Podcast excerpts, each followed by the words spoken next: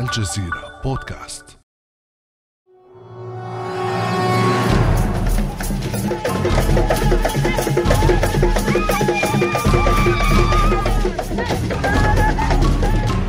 على وقع هذه الايقاعات الإفريقية بدأ رئيس الوزراء الإسرائيلي السابق بنيامين نتنياهو جولته الخامسة إلى القارة السمراء وصرح يومها من مطار بن غوريون قبل مغادرة إلى أوغندا في فبراير 2020 أنطلق الآن في زيارة جديدة إلى إفريقيا. هي الخامسة في ثلاث سنوات ونصف الأخيرة. إسرائيل تعود إلى إفريقيا بقوة. في الحقيقة إفريقيا هي من عادت إلى حضن إسرائيل. هناك ملفات مهمة دبلوماسيا واقتصاديا وأمنيا. سنقوم بمناقشتها. وقبل أوغندا زار نتنياهو بلدانا إفريقية عديدة وما كاد يغادر منصبه حتى كانت لإسرائيل علاقات دبلوماسية مع 46 دولة في القارة السمراء من إجمالي 54 قبل أن يتوج ذلك بحصولها في يوليو الماضي على صفة عضو مراقب في الاتحاد الإفريقي في اختراق دبلوماسي تاريخي. فما قصة التغلغل الإسرائيلي في القارة السمراء؟ وما معنى أن تحصل إسرائيل على صفة عضو مراقب في الاتحاد الإفريقي؟ وما تداعيات ذلك على القضية الفلسطينية؟ بعد أمس من الجزيرة بودكاست أنا أمال العريسي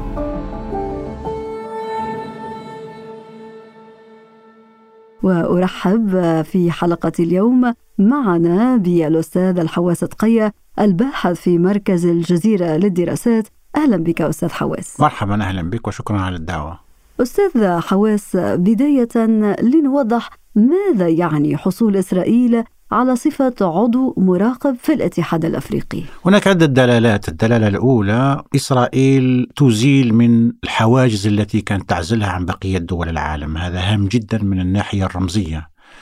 أنني دولة لست معزولة وإنما دولة الآن أدمج في المناطق في مختلف المناطق وإفريقيا هي منطقة هامة لأن إسرائيل قريبة جدا من إفريقيا والكتلة الإفريقية كانت دائما تعمل على عزل إسرائيل في مختلف المنتديات الدولية وتطالبها بإعطاء الفلسطينيين حقوقهم مقابل التطبيع وقبولها. هي الآن تحصل على مستوى من مستويات التطبيع مع القارة الإفريقية وهو مستوى يعني جيد وإن لم يكن لأن لا توجد هناك لأن هي ليست دولة إفريقية في ذلك لعل هذا أقصى ما تحصل عليه على مستوى المنتدى الإفريقي الاتحاد الإفريقي وهو عضو مراقب ومثل منظمة التحرير الفلسطينية التي تحصل على كذلك على عضو مراقب وتركيا ودول أخرى ليست إفريقية تحصل على هذه الصفة. فإسرائيل حققت اختراق دبلوماسي رمزي هائل.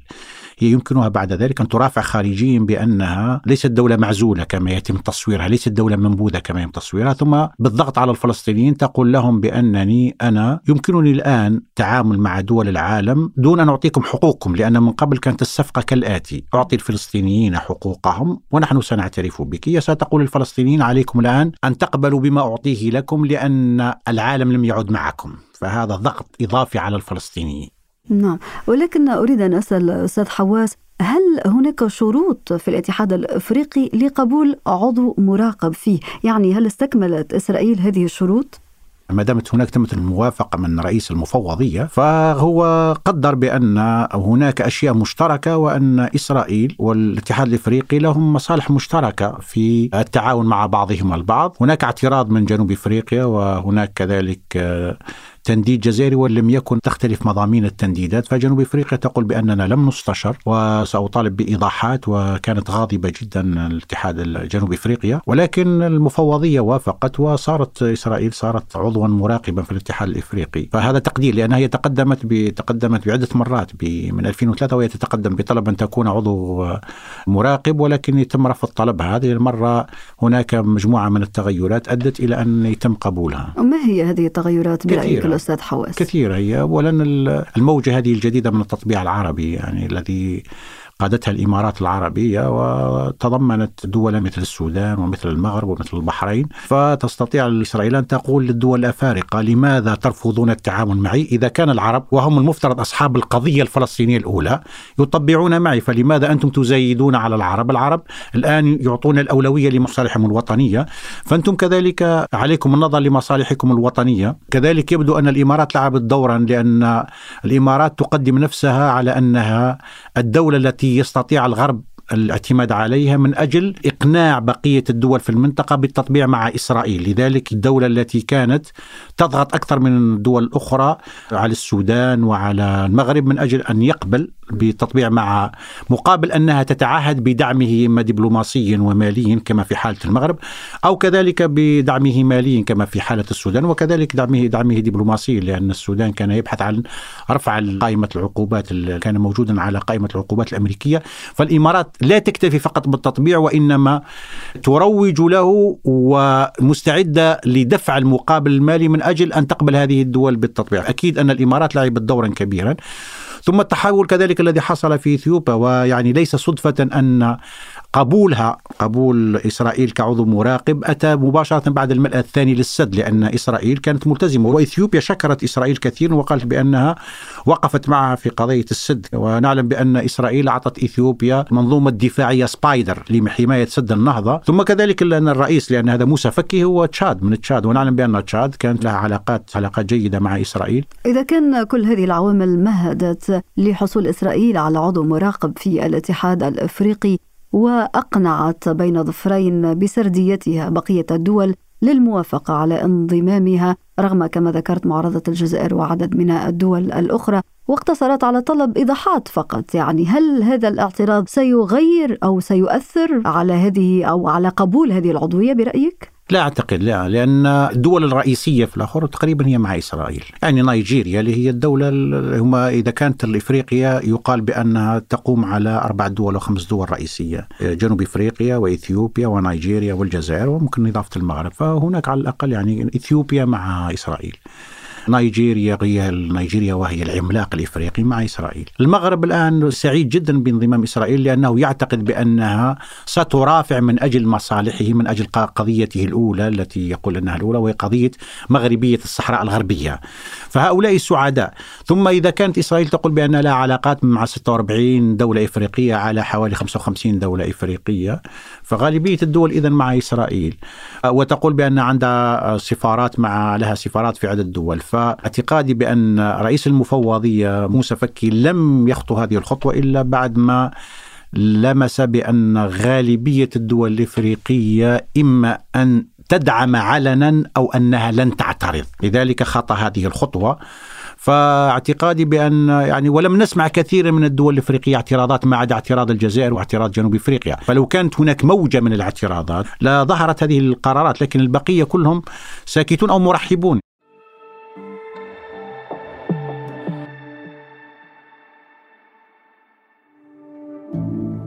ابقى على تواصل مستمر مع الجزيرة بودكاست ولا تنسى تفعيل زر الاشتراك الموجود في تطبيقك لتصلك الحلقات يومياً.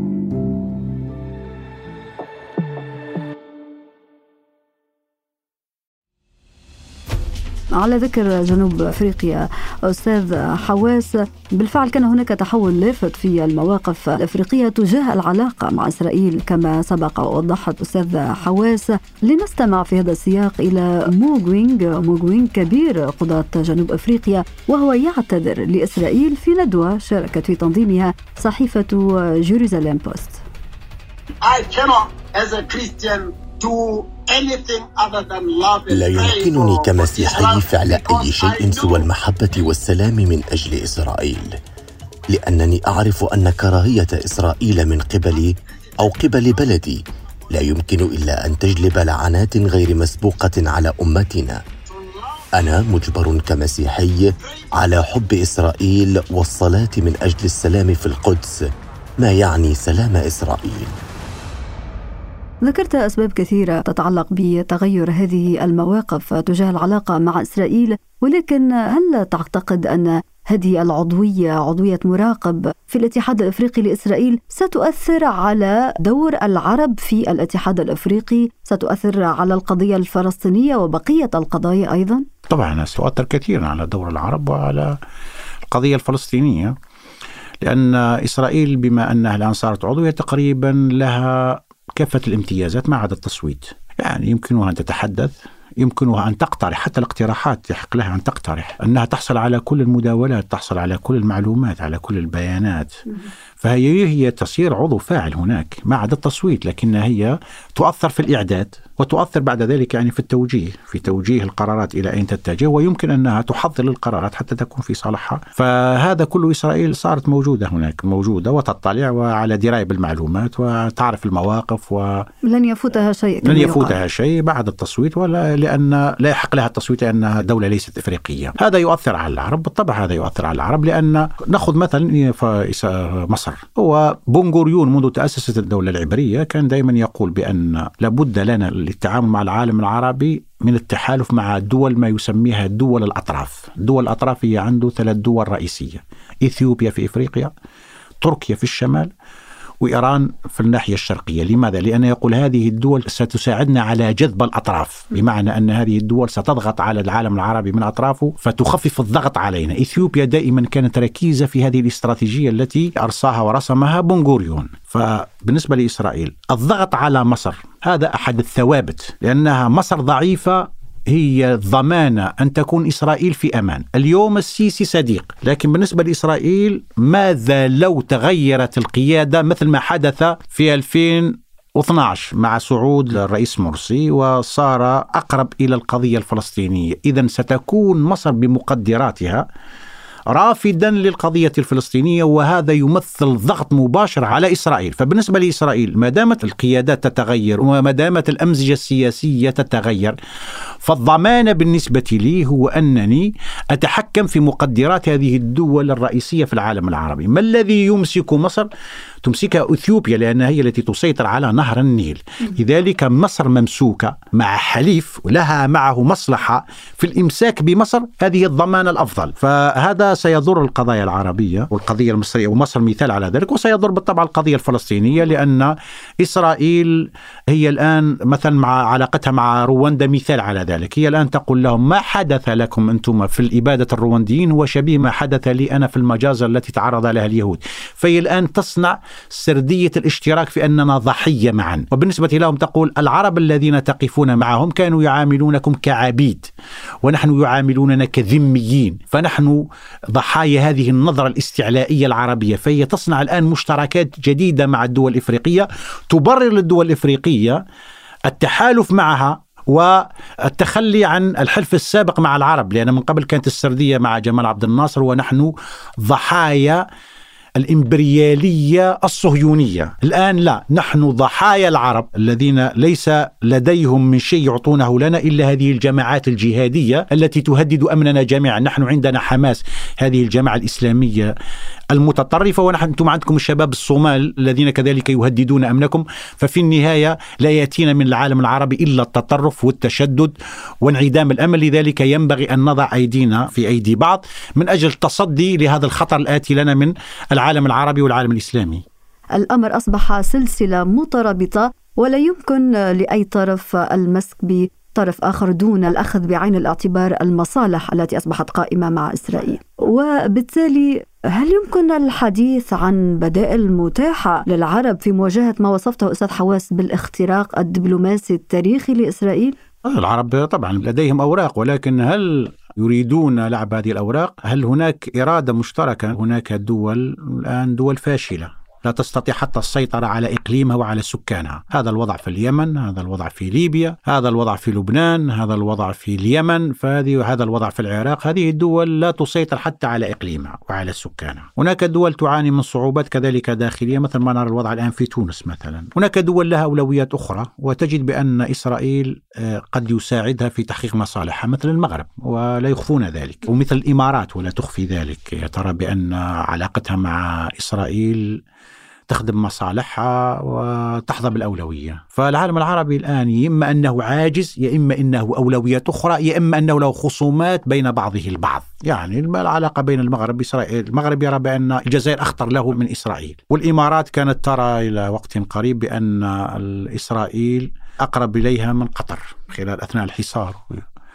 فهذا هو الوضع العالم العربي. هل العالم العربي سيستعيد تضامن وحدته ويعيد ترتيب أولوياته حتى يتم تصدي لإسرائيل هذا الذي ينبغي أن يحدث. لكن هل احتمال؟ يمكن ذلك. لكن هل في الشروط الحالية وفي الظروف الحالية؟ هذا مستبعد لأن وضع العالم العربي كما وصفته لك. ما يمكن عمله حاليا بالنسبة للعالم العربي هو أن الدول التي لا تزال تمتلك نصيب من القدرة. ونصيب من الاهتمام بالعمل العربي المشترك وفي قلبه القضية الفلسطينية، العالم العربي المشترك قضيته الأساسية فلسطين. هذه الدول ينبغي أن تتحرك بما لديها، يعني الجزائر تحاول أن تنسق مع بقية الدول العربية التي تشارك في هذا الهم وليست كثيرة لأن هي مشغولة. الوضع في سوريا كما ترين، فالوضع مع من تتحرك الجزائر مثلا في المغرب العربي، موريتانيا لها علاقات كذلك سابقة مع الإسرائيليين، ليبيا كما ترين في وضع سيء، لكن سيكون قليلا وغير كافي، يعني وإسرائيل الآن في أفضل حالاتها، تاريخيا الآن في أفضل حالاتها، لأن الدول العربية في أسوأ حالاتها. تبدو الوضعية معقدة. أستاذ حواس وكذلك الدول العربية كما ذكرت تبدو أو قد تبدو لنكن متفائلين قليلا غير كافية. فبرأيك ماذا تتوقع بخصوص القضايا التي تريد إسرائيل أن تركز عليها؟ ما هي أولوياتها بمجرد حصولها على هذه العضوية عضوية مراقب في الاتحاد الأفريقي؟ والله كما ذكرنا هي كان هناك أولوية دبلوماسية أن تقف معها دول القارة في القضايا الدبلوماسية في التصويت. ونتنياهو أعلنها نريد ذلك نريد ونريد من العلاقة هذه أن تكون تجسد في التصويت في المنتديات. هناك الجانب الاقتصادي الآن يعني واضح بأن هناك تنافس دولي على إفريقيا لأن هناك باحثين الآن يقولون بأن القارة هي المستقبل في القارة. عدد السكان الشباب يتزايد القارة الآن ست يعني مليار ساكن ثم في ثروات هائلة. وهناك قابلية للنمو الاقتصادي كبيرة جدا. والقارة خاصة شرقها هو الأقرب إلى المحيط الهادي اللي هي فيه القاطرة الأخرى للاقتصاد العالمي وهي الصين. فهناك ترابط بينهما يجمعهما المحيط الهندي فإفريقيا هي الأقرب هي أقرب من أوروبا. لذلك ستتأثر كثيرا بما يجري في المحيط الهادي في جنوب الصين. إسرائيل تريد كذلك أن تأخذ أن يكون لها نصيب من الكعكة الإفريقية. هناك علاقات اقتصادية بينهم لكن من المتوقع أنها ستزداد خاصة بعد ما انضمت لأن الآن يصير التعامل معها أكثر دينامية لأن تقريبا الآن لا يكون هناك حرج بين الدول الإفريقية ما دام الاتحاد قبيلها فحتى ما تبقى من الحرج يرفع. الآن كل واحد يقول أنا سأحاول الاستفادة من إسرائيل أكثر من الأخرى إسرائيل متقدمة في عدة قطاعات الدول الإفريقية بحاجة إليها في القطاع الزراعي في القطاع التقنيات المتطورة. في قطاع الأسلحة طبعا في قطاع الأسلحة في قطاع التدريب حتى في قطاع الأمن الرئاسي. ففي دول إسرائيل هي التي مثلا في الكاميرون دول من إسرائيل هي التي دربت جنودها. والعلاقة بين الكاميرون ونيجيريا الكاميرون هي التي جذبت نيجيريا إلى إسرائيل لأنها أثبتت لها بأن المساعدة الإسرائيل العسكرية هي التي يمكنها أن تساعدها في مواجهة التمرد المسلح في نيجيريا. فأثبت يعني وكذلك ما حدث في جنوب السودان لما ساعدت جون جارانج وصحبه على الانفصال من السودان هذا كان بدعم بدعم وذكر الإسرائيليون ذلك وقاده جنوب السودان شكروا إسرائيل علنا وزاروها وكانت تساعدهم بالسلاح وبالتدريب. فهذا أثبت الشيء الجيد بالنسبة لهم أن إسرائيل لا تراعي كثيرا حقوق الإنسان لا لا تلقي بال لحقوق الإنسان. فهذا بالنسبة لإسرائيل هذه سوق هائلة وبالنسبة للأفارقة هذا يعطيهم فرصة الحصول على تقنية متقدمة لو ما دون حساب ودون مراعاة لحقوق الإنسان في هذا. فهي بالنسبة لهم فرصة هائلة. في القطاع السبراني مع ما نرى من بيجاسوس إسرائيل ستعرض عليهم بأن تعطيهم هذه التقنية للتجسس على المتمردين وعلى الجماعات المعارضة. إضافة لذلك أن إسرائيل يمكنها أن تعرض على الدول الإفريقية بأنها تأتيها بالغطاء الأمريكي يعني أن تقول لهم بأنني عندي مفاتيح أمريكا. I have ال double تاع ال keys تاع أمريكا وهذا الذي قالته بالنسبة للسودان. حتى ترفع من قائمة الارهاب طبعوا مع إسرائيل. وفي المقابل أمريكا ستتفهم. وضعكم وستراجع وضعكم. لأن في إفريقيا الآن هناك تجمعات اقتصادية. دول غرب إفريقيا فيمكن انها تدخل في هذه التجمعات وتحظى بالامتيازات. لأن سيكون هناك التعريفه الجمركية ترفع وغير من الأمور الاقتصادية. هذه بالنسبة لإسرائيل هذه كلها سوق لأن هي لا توجد لها سوق قريبة منها. يعني لا توجد لها سوق مع العالم العربي. المقاطعة تضرها. فالسوق الإفريقية هائلة بالنسبة لها. ولكن هذا الرغبة من إسرائيل في هذا الحضور القوي هذه الفوائد الكثيرة والخطيرة التي ذكرتها التي ستجنيها من السوق الأفريقية. لكن هناك دول أخرى عملاقة تستثمر في هذه المنطقة الصين الولايات المتحدة. هل تقبل بهذا التنافس القوي من إسرائيل في السوق الأفريقية؟ أنا اعتقادي بأنها ستجد مكان لها داخل السوق الإفريقية يعني هذه السوق الإفريقية كما ذكرنا سوق كبيرة جدا سوق نهمة لأنها سوق الآن التطور الاقتصادي أو النمو الاقتصادي فيها ليس حديث، لذلك هي سوق ما زالت تحتاج تقريبا كل شيء. البنية القاعدية، الكهرباء، التعليم، الزراعة، هي سوق ما زالت ما زالت بكر فهي تحتاج ف... ليس هناك ف... مشكلة تنافس فلا يعني. لا يوجد هناك إشباع. يكون تضيق حصتك في السوق إذا كان هناك إشباع. مثلا إذا ذهبت لاوروبا ماذا ستقدم؟ تقريبا هي مشبعة السوق مشبعة. موجودة البنية التحتية المدارس الخدمات القطاع الصحي. لكن في إفريقيا كل شيء هذا كل شيء في الدول الإفريقية بحاجة إليه. كذلك هناك بعد لا ينبغي إغفاله هو أن إسرائيل مطلة على البحر الأحمر. وأمنها مرتبط بالبحر الأحمر لأنها لا تتواصل مع آسيا ومع إفريقيا إلا عن طريق البحر الأحمر. وجودها على البحر الأحمر وإيجاد دول قابلة لوجودها على البحر الأحمر بالنسبة لها قضية أمنية قضية أمنية بالإضافة لأنها قضية اقتصادية. لذلك هي من زمن بعيد وهي تراهن على إثيوبيا في الشرق إفريقيا وعلى كينيا خاصة من مومباسا الكيني. وما يثار حاليا بأن لها علاقة علاقة تعاون مع الإمارات في جزيرة ميون اليمنية لأن هناك صور مؤخرا عن منشآت لقاعدة عسكرية ويقال بأن هناك موقع ديبيكا الإسرائيلي يقول بأن هناك تعاون بينهما. كذلك أنها له وجود في سقطرى فقبولها في الاتحاد الإفريقي هو يفتح لها الباب لأن تنشط أكثر من أجل التواجد. القواعد العسكرية الإسرائيلية تتواجد على البحر الأحمر وبذلك إسرائيل تستطيع أن تؤمن هذا الشريان الحيوي الذي يربطها بشرق إفريقيا وهو المنفذ لها بالنسبة لآسيا بالنسبة للمحيط الهادي أي الذهاب إلى الصين وإلى هذه القاطرة الهائلة للاقتصاد العالمي وإلى الهند. فهذا هام بالنسبة لها وتعمل عليه منذ زمن بعيد وما فعلته حاليا يعزز هذا الاتجاه. يعني وهذا ما يؤكد تصريح وزير الخارجية الإسرائيلي يائير لابيد الذي اعتبر العضوية مناسبة للاحتفال بالعلاقات الإسرائيلية الأفريقية. واعتبر أنه يصحح الانحراف حسب وصفه الذي شاب العلاقات قرابة عقدين من الزمن مع أعضاء الأفارقة في هذه القارة يبدو أن إسرائيل صحيح أنها كانت تعقد علاقات ولا تزال مع العديد من الدول الأفريقية ولكن بهذه العضوية عضو مراقب في الاتحاد الأفريقي يبدو أن صورة حضورها في الاتحاد الأفريقي اكتملت أليس كذلك؟ من قبل كان يعني مثل ما هناك علاقة سرية وهناك زواج شرعي تقريبا هذه الصورة. فالآن يعني هذا زواج شرعي. يعني الآن الناس كلهم يعترفون بأن هذان مع بعضهما البعض ولا يوجد الآن حتى من كان محرج من التعامل معك لأنه يضع في اعتباره أن هناك من يعترض. الآن لا يستطيع أن يعترض لأنه يقول الجميع طبع فلماذا أنا؟ لماذا أنا لا أطبع وأستفيد من هذه العلاقة؟ هل يمكن القول بأن فلسطين فقدت حليفا قويا؟ أكيد أكيد أكيد لأن القارة الإفريقية كانت دائما يعني على نحو 1400 تصويت بخصوص القضية الفلسطينية كان أغلبها أغلبها أو يعني الغالبية الساحقة منها كانت لصالح فلسطين. إذا تغير التصويت الإفريقي هذا سيضر القضية الفلسطينية. ولذلك نذكر المستمعين بكلمتك التي بدأت بها الحلقة أستاذ حواس وهو أن حصول إسرائيل على عضو مراقب في الاتحاد الأفريقي هو اختراق دبلوماسي تاريخي يهدد القضية الفلسطينية وهي في مقدمة القضايا العربية إلى جانب قضايا عربية أخرى. شكرا لك الأستاذ حواس صقية الباحث في مركز الجزيرة للدراسات على كل هذه التوضيحات والمعلومات المفيدة. شكرا لكم على الدعوة. كان هذا بعد أمس.